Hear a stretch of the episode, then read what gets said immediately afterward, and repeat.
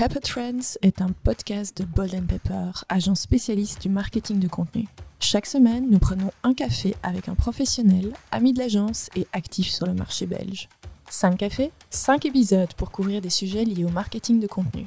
Que vous soyez pro ou newbie, ces podcasts sont des clés pratiques pour votre activité.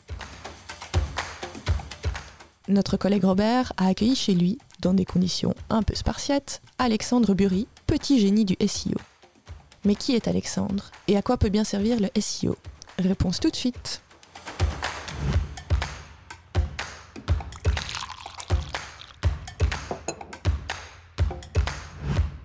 Bonjour Alexandre Bury. Bonjour. Deuxième café en votre compagnie autour du, SEO. Lors du premier café, on a euh, notamment parlé des fondamentaux du SEO. On rappelle ce que c'est en vitesse euh, pour ceux qui nous rejoignent? Ouais, donc euh, le SEO, c'est l'objectif, c'est de se positionner au mieux dans les requêtes de Google. Donc par exemple, quand on va taper agence SEO Liège, bah, de se retrouver premier par exemple, ou euh, peu importe le commerce. Et, euh, et, voilà, donc ça c'est un peu le métier du euh, SEO. C'est ça ce qui va permettre en fait de générer des opportunités business, d'accélérer de, sa notoriété, en fait de se faire voir, tout mhm. simplement. Et d'attirer des potentiels clients sur notre site. alors on va s'attaquer maintenant aux différents outils du SEO, parce qu'on sait qu'ils sont, sont nombreux.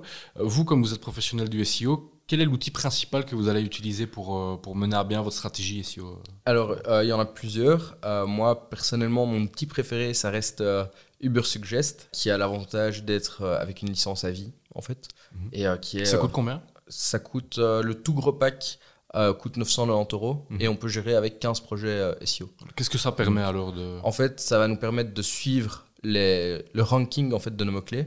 Donc, comme je disais, agence SEO Liège, ben, on va voir que on était euh, cinquième et qu'on est passé premier, par exemple, et donc il va nous dire ah ben sur ce mot-clé-là, on a gagné quatre positions. On va pouvoir faire des audits de notre site, donc de pouvoir dire ah ok, il y a des problèmes techniques sur notre site, il faut les réparer, il faut, il y a des pages qui ont été détruites, il y a etc. Plein de choses comme ça. Euh, ça nous montre aussi la valeur de notre site, parce qu'en fait chaque site ben, pourrait être vendu à une certaine valeur. Donc par exemple, il y a certains sites qui vaudraient 2 euh, millions, il y en a d'autres qui, valent, qui valent 1000, 1500 euros par exemple. Mhm. Et en fait, au plus ils génèrent du trafic, plus ben, il va vouloir cher, va valoir cher. Euh, donc ça nous permet ça, ça nous permet aussi de voir les backlinks. Donc ça c'est ce qu'on expliquait dans l'épisode d'avant, euh, de justement de voir quel lien externe relie sur notre site web. Et donc on va pouvoir voir ça et on va pouvoir évidemment comparer en fait avec tous nos concurrents. Mhm. Donc voir les idées de mots-clés où nos concurrents sont placés mais où nous on n'est pas placés mhm. et qui pourraient être intéressants, mais aussi pour les backlinks. Donc par exemple, euh, j'ai un site internet qui s'appelle www.charpentembois.com. Sur mon site internet, quoi On devrait parler de quoi? Qu'est-ce qui devrait s'y trouver, par exemple? Ah, ben, Par exemple, si c'est charpentembois.com, ben, euh, on va dire euh, qu'on est dans une zone genre le Brabant Wallon, par exemple, ou Bruxelles. Eh ben, on va essayer de faire des pages, par exemple, sur. Euh, là, je peux pas dire des mots précis, hein, mais on va dire. Charpentier Nivelles par exemple, mhm. ben on va dire ok là il y a peut-être 170 recherches par, par mois. Et donc là ça va être intéressant d'aller se positionner et surtout s'il y a personne. Donc mhm. si ça se trouve on est le seul parce que les charpentiers sont peut-être moins dans le SEO etc. Et donc, on va être les seuls à se positionner en première position relativement facilement parce que c'est un métier pas trop digitalisé. Et donc là, on va pouvoir euh, potentiellement attirer. Euh, sur les premiers résultats de Google, on est à 40% de clics. Et sur les trois premiers, on est à 65-68% euh, de clics. Donc, ben, potentiellement, s'il y a 170 personnes qui recherchent, on, va, on, va, arrondir à 200, ce sera plus simple. On va dire qu'il y a plus ou moins 70 personnes qui vont cliquer directement sur notre site et arriver sur notre site si on est premier. Qu'est-ce que euh, Uber Suggest C'est en fait euh, une application qui a quelqu'un de très connu dans les SEO a développé euh, qui s'appelle Neil Patel. Donc cet outil permet de mesurer les performances SEO, mhm. de regarder un petit peu bah, qui parle de vous aussi sur les autres sites internet? On peut voir oui, en fait les backlinks, donc tous les autres sites qui ont un lien directement vers notre site. En fait on ne va pas savoir si par exemple c'est quelqu'un qui met juste, allez on va dire, je sais pas moi, de la banque AXA par exemple, eh ben, si quelqu'un dit le mot AXA mais ne met pas l'URL AXA, ben, on va pas savoir qu'on parle de nous. Mais par mhm. contre, si on met dessus AXA.be, eh ben, là, on va voir. L'outil va reconnaître qu'on parle de, voilà, de, AXA sur un autre site internet et donc Google automatiquement va le remonter dans les résultats. Voilà. Et en fait, c'est ça qu'on appelle un backlink. Du coup, c'est quand il y a un lien vraiment euh, d'un autre site qui redirigerait vers notre site et donc l'utilisateur pourrait cliquer dessus pour être redirigé sur notre site. Qu'est-ce que l'outil permet encore? Euh, ben, je crois qu'on a un peu fait le tour, mais euh, de faire la recherche de mots-clés aussi, je mhm. pense que, je sais pas si je l'ai dit, de trouver des idées de mots-clés aussi. Donc, euh, comme je disais dans l'épisode précédent, ben, quand on tape agence SEO, eh ben, on va avoir des idées, par exemple, agence SEO Bruxelles. donc, en fait, on va avoir des plus longues traînes qui sont potentiellement plus simples à atteindre que des plus courtes. Est-ce qu'il y a d'autres outils que vous utilisez dans votre, dans votre vie professionnelle de tous les jours ou vraiment que voilà des, des outils qui sont, qui sont devenus incontournables pour Mhm. le, le, le SEO Alors, ben, il y a Google Search Console qui permet d'indexer le site. Donc, en fait, euh, on peut faire- Indexer le site? Donc, en fait, pour indexer le site, ça veut dire que euh, quand on fait le site web, en fait, de base, il n'est pas indexé. Donc, ça veut dire qu'on ne le trouve pas sur Google. Et donc, il faut faire des demandes d'indexation. Ou alors, on peut attendre que Google passe sur notre site, etc. Mais ça peut prendre beaucoup de temps. Parfois, surtout quand on a un petit site. Au plus gros le site est, au plus Google passe dessus. Mais euh, on va pas avoir toutes les pages qui sont nécessairement directement poussées dessus. Souvent, on a le, nom de domaine, ça, ça va relativement vite. Mais les autres pages, ça peut prendre euh, parfois six mois, parfois un an. Avec Google Search Console, on peut demander de l'indexer et il va aussi nous dire euh, certains problèmes qu'on peut retrouver sur le site. Donc il va vous conseiller, finalement, il va vous donner une, voilà, quelques indications sur les, les choses à améliorer pour remonter dans les, euh, dans Ouais, les en résultats fait, Google. Il va nous dire, euh, enfin, il va pas nous donner des conseils, il va nous dire cette page-là n'est pas indexée parce qu'il y a tel problème en fait. Et donc il va nous dire, bah, il y a une balise euh, no index, donc euh, pas indexée, qui est sur cette page-là. Donc évidemment, on n'indexe pas la page parce qu'il faudrait supprimer en fait cette balise sur cette page. Donc ça, c'est un des outils. Il y en a un autre qui est euh, Google Analytics ou aussi euh, il y a Matomo qui peut être utilisé, euh, qui lui permet en fait de suivre vraiment le trafic qui vient sur le site. Donc on va pouvoir analyser si euh, le trafic vient du SEO ou vient des pubs euh, Google Ads ou vient euh, des réseaux sociaux ou vient euh, de quelqu'un qui a tapé ça en direct, etc. Etc.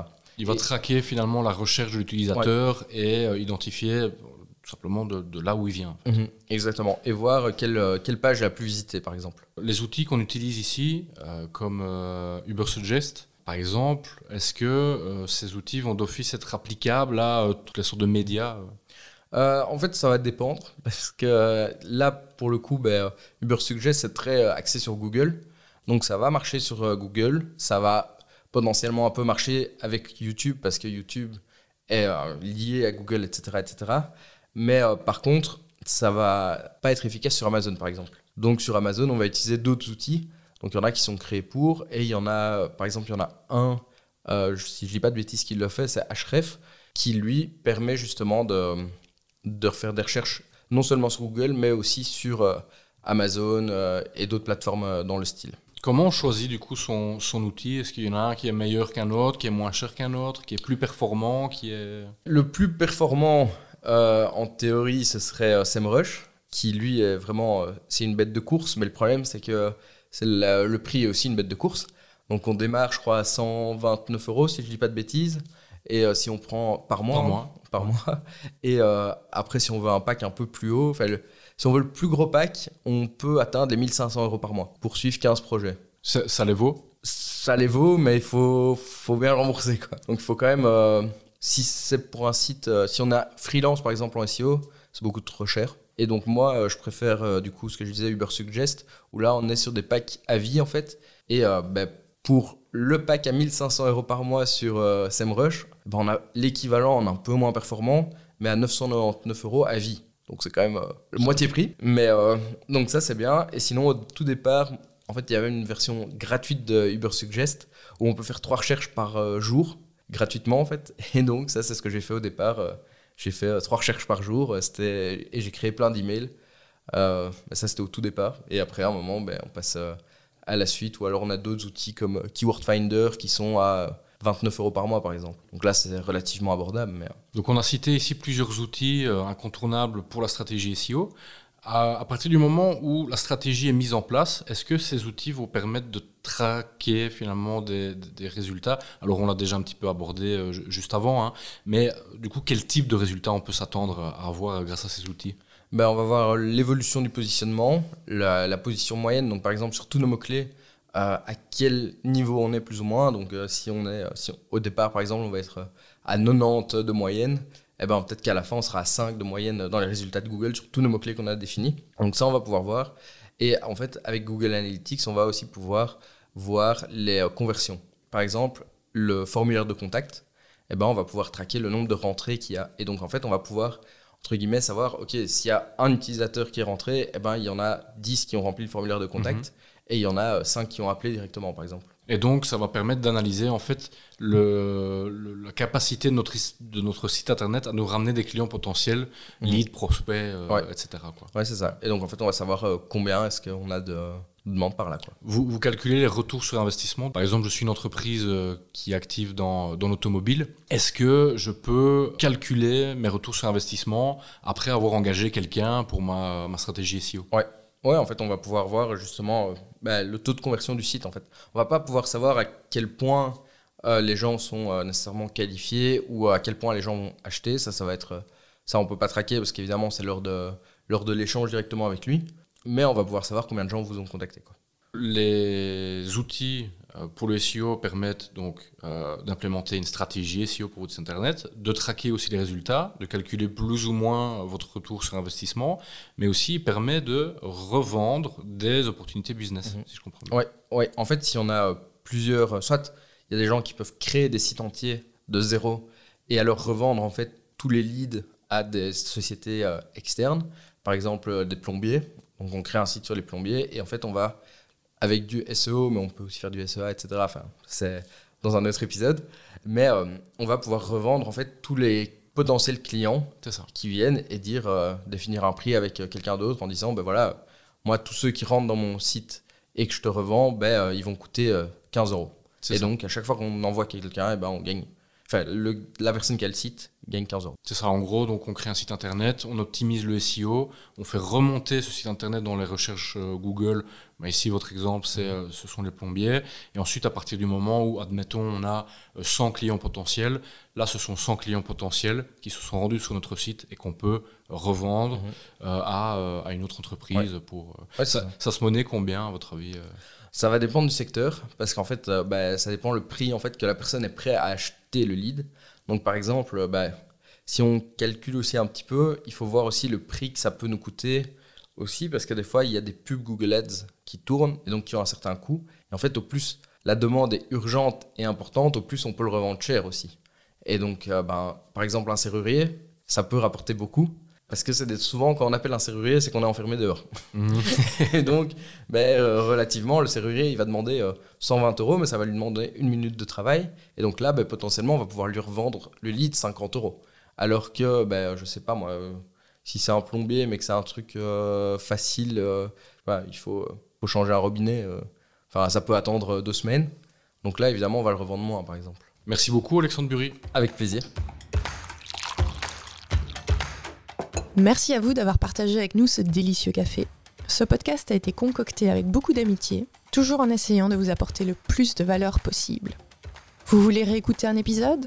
Rendez-vous sur www.boldenpepper.be dans notre onglet Podcast. Envie de vous tenir informé de la sortie des autres épisodes ou de suivre les actualités de l'agence Bolden Pepper Gardez nos réseaux à l'œil. À très bientôt